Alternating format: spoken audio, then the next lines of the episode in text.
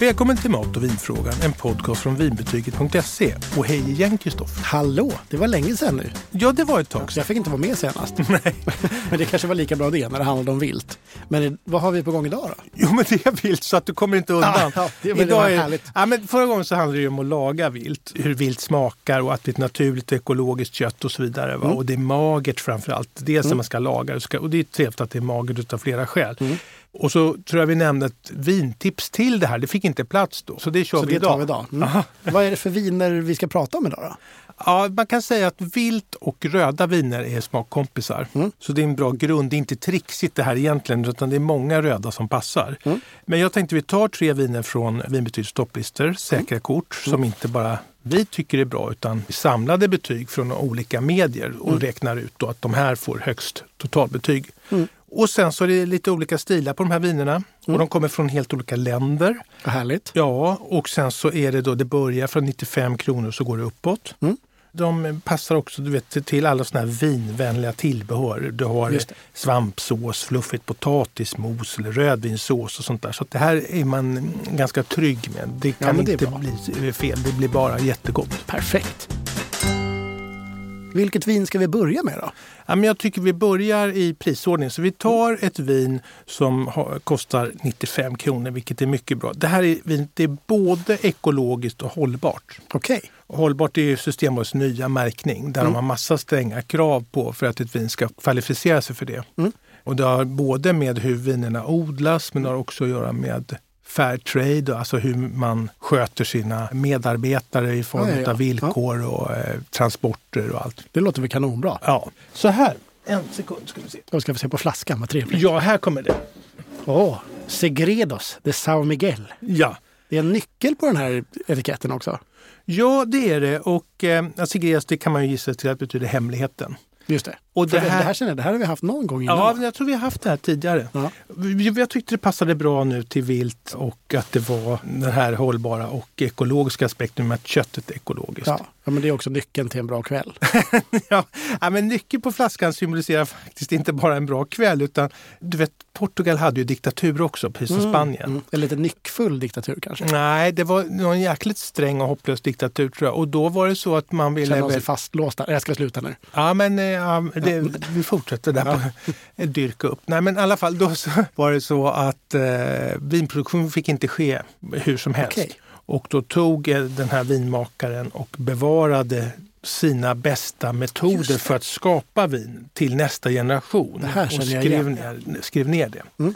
Och eh, Segredos då, som vinet heter, det produceras av ett vinhus, ett familjeägt vinhus som heter eh, Relvas. Mm. Och de gillar det här med miljö jättemycket så Okej. de satsar stort på det. Mm. Och istället för bekämpningsmedel så har man eh, får som går och betar mellan vinrankerna. Och då får de med sig ogräs och snusk och så här. Mm. Alldeles utmärkt. Ja, och så mår druvorna bättre. Ja, det är nyckeln till ett bra vin.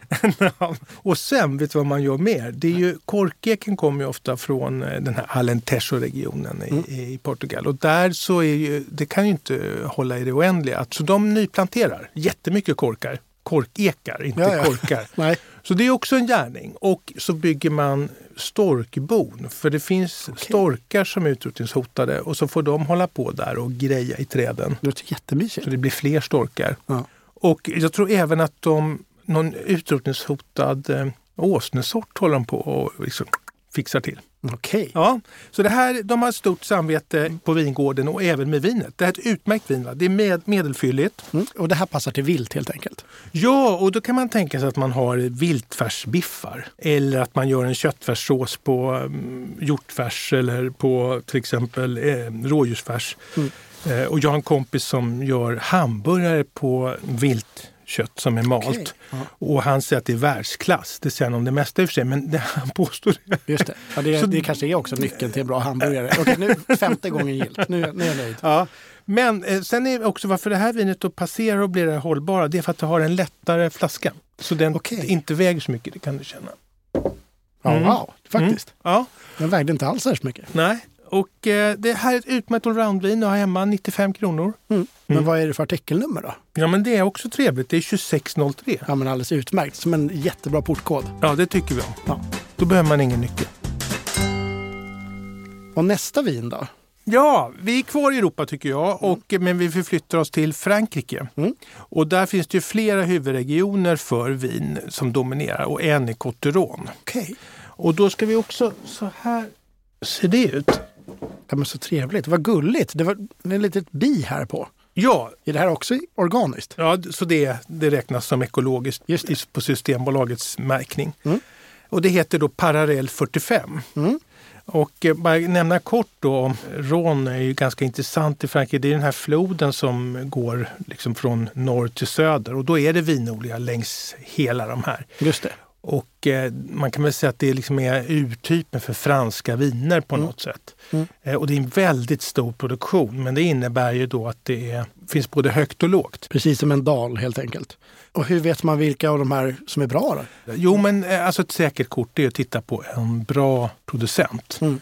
Och det är den här då som heter Paul Chabolet. Okej. Och de har gjort alltså vin sedan Napoleontiden på 1800-talet. Mm. Så de vet vad de håller på med. Ja, verkligen. Ja. Får man hoppas. Ja, Och varför heter vinet Parallell 45? Eller Parallell, hur man nu säger 45 på eh, franska. jag skulle säga eh, Quattro Cinquante eller något sånt där. Ja, Jo, det är så här att eh, vinet heter Parallell 45 för att det är den breddgraden som skär igenom där. Det är ett långsmalt vindistrikt det här. Och den här skär då på ett ställe där egentligen skarven mellan norra och södra Cotteron och där anses det vara väldigt bra förhållanden. okej.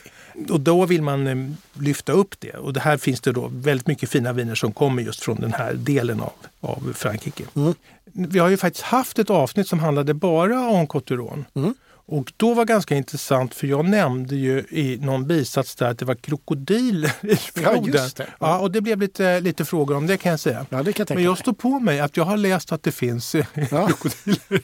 Ja, och i druvorna i det här vinet då, förutom att det är klassiskt på etikett och område och allting, Mm. så är det GSM brukar det förkortas då. Det är eh, Grenache, Syrah och Mourvèdre och det är en sån fin druvkombination. Så den har man eh, liksom kopierat både i Australien och i Sydafrika och så vidare. Okej. Det här vinet är klassiskt ur många aspekter. Mm. Och vad passar det här vinet från Krokodildalen till? Vi ska inte överdriva med krokodilerna, men jag vill ändå stå fast vid det. Så här tycker jag att man ska ta, om du tar en fransk klassiker, en gryta som bœuf bourguignon Ja. och så byter du ut det mot nötkött istället mot till exempel hjort, så det blir en hjort bourguignon. Mm. Mm. Det vore ju supergott. Mm. Sen kan du göra andra grytor på vilt, eh, och, ja, vad det nu är för någonting. Älgrullader med, eh, du vet, som är rullade så, och, och bräserade med potatispuré. Okej. Ja. Fasanbröst kanske. Mm. Ja, det finns jättemycket gott som, som passar i viltvärlden. Mm. Och vad kostar det här? Lite mer helt enkelt? Ja, det gör det. Men inte mycket mer. Nej. Och jag tycker priset är väldigt trevligt. 124 kronor för det här klassiska. Det är väl alldeles utmärkt? ja. Och lägg Paul Chabolet på minnet för det är en duktig, kompetent producent som man hittar internationellt. Mm. Och om man inte vet hur man stavar Chabolet så finns det kanske ett artikelnummer också? Ja, men det gör det. Och det tycker jag också har lite ja, vad säga, poesi i sig. 22 800. Ja, men det var väl lysande ja. faktiskt. Och ska vi alltså få ett tredje tips, ett Mm. vin till vilt. Mm. Ja, men nu tycker jag vi förflyttar oss från Frankrike över Atlanten ända till Argentina. Ja, kul. Ja, men vi tar med oss en bit fransk eh, vinkultur dit. Och vi, vi, vilken kultur då? Ja, vi tar med oss en druvsort. Vet, franska druvor har ju exporterats till alla vinländer Mm. i stort sett i, i, nya vinvärlden.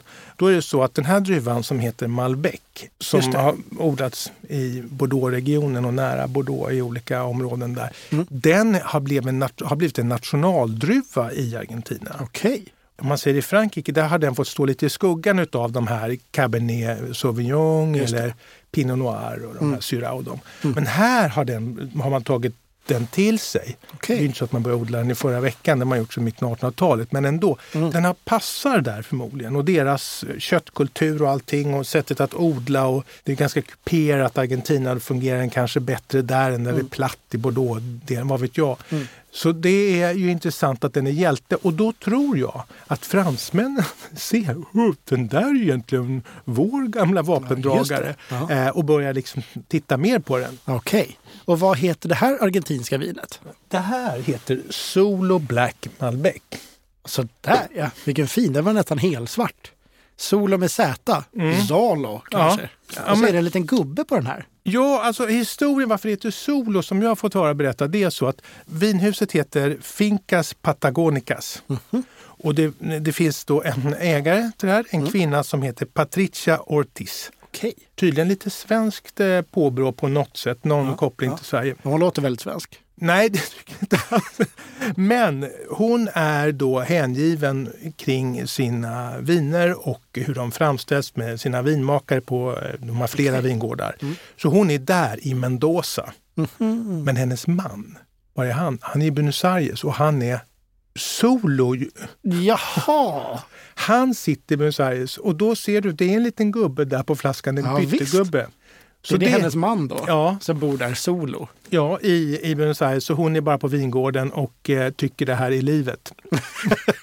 Han måste vara påfrestande helt enkelt. Så han kanske gillar öl istället. Nej, men jag, jag har ingen aning. Vi- struntar i honom tycker jag. Eh, Men hon gör eh, med sina vinmakare, hon gör väl inte vinerna själv utan har proffs som eh, verkligen så, anställt. Så det, här, det här vinhuset är då rankat som ett utav, om det var Decanter tror jag som hade de hundra främsta vinhusen så var det här eh, då Fincas Patagonias var ett utav dem. Okej. Tillbaka då till eh, vinet. Då. Det här är ju lagrat. Det här är en kraftbomb i jämförelse med de andra. Vi har gått i fyllighetsordning så det här är mycket fylligt vin. Och det är därför heter black också lite grann. Det- Just det, okej. Ja, Ja. jag förstår. Och det här växer, då växer druvorna på eh, alltså runt 1000 meter. Och då säger de som eh, tycker det där är intressant med temperatur att på natten är det kallt och sen så kommer dagen och då får druvan en liten skjuts av sol och värme och sen så får den eh, krypa ihop och vila på natten i, när det är kallt och så håller det på så där och växlar. Och det ska göra då att det blir väldigt fina druvsaft av det här. Just det. Att det inte bara är ett jämnt, ljummet liksom, eh, Är det, är, det, är det starkare skillnader då? För det, för det där känns som någonting som händer på alla ställen på jorden annars. Men är det just på hög höjd helt enkelt? Ja, Ja, okej. så nu vet ni. Ja. ja, men det är spännande. Ja, men så det gör att den här druvan får, om den får kämpa lite. Va? Krypa ihop och så ja, växa till sig på dagen. Men trots att det är så kraftigt passar det ändå till vilt helt enkelt. Men vilt är nog, av alla kött vi har, så är vilt det som har mest smak. Och det är därför som det är så gångbart till röda viner. Okej. Vad som är- inte är bra då till en kraftiga jag säga, kötträtter av vilt, smakmässigt kraftiga, Mm. det är ju lätta viner. För de smakar bara saft. Mm. Så man måste ha något med lite tryck i. Och sen är det också tycke och smak. Och då kan man ju om man har ett vin som är väldigt kraftigt, då är det ju tillbehör. Alltså goda, säg att du har god svampsås eller du har en potatisgratäng som är kladdig med grädde och mycket ost och sådär. Mm. Då binder det ihop det där så att det blir jättegott. Just det. Och, och liksom skär igenom det feta lite grann. Mm. Vi- Vilken typ av vilt passar det till då? Jo, men om du tar rådjur har mycket smak. Rådjurssadel säger vi elegant. Va? Mm. Älgentrikott eller om du har fin fågel som vildand eller ripa. Va? Då är det här jättehärligt. Solo till en schysst ripa, det låter bra. Mm-mm. Och vad kostar det här då? Ja, men nu har vi krypit upp lite. Det är 289. Och så kan man dricka det nu eller så kan man lagra det. Och det är ett utmärkt presentvin förstås. Mm.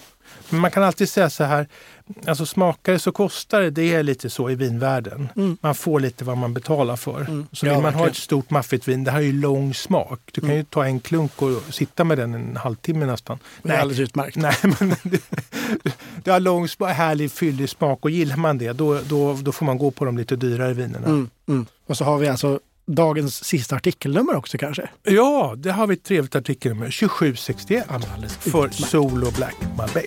Precis. Ja, men då har vi lyckats hitta tre stycken trevliga viner till vilt Mm. i tre olika prisklasser. Ja, och jag hoppas att eh, alla lagar och äter och njuter och har det bra. Ja, verkligen. Och tack Kristoffer för idag. Ja, men tack själv. Och tack alla som har lyssnat. Tack alla som har lyssnat. Vi Hej hörs då. nästa gång. Har du frågor om mat och vin? Alla frågor är välkomna. Maila till mig på stefanvinbetyget.se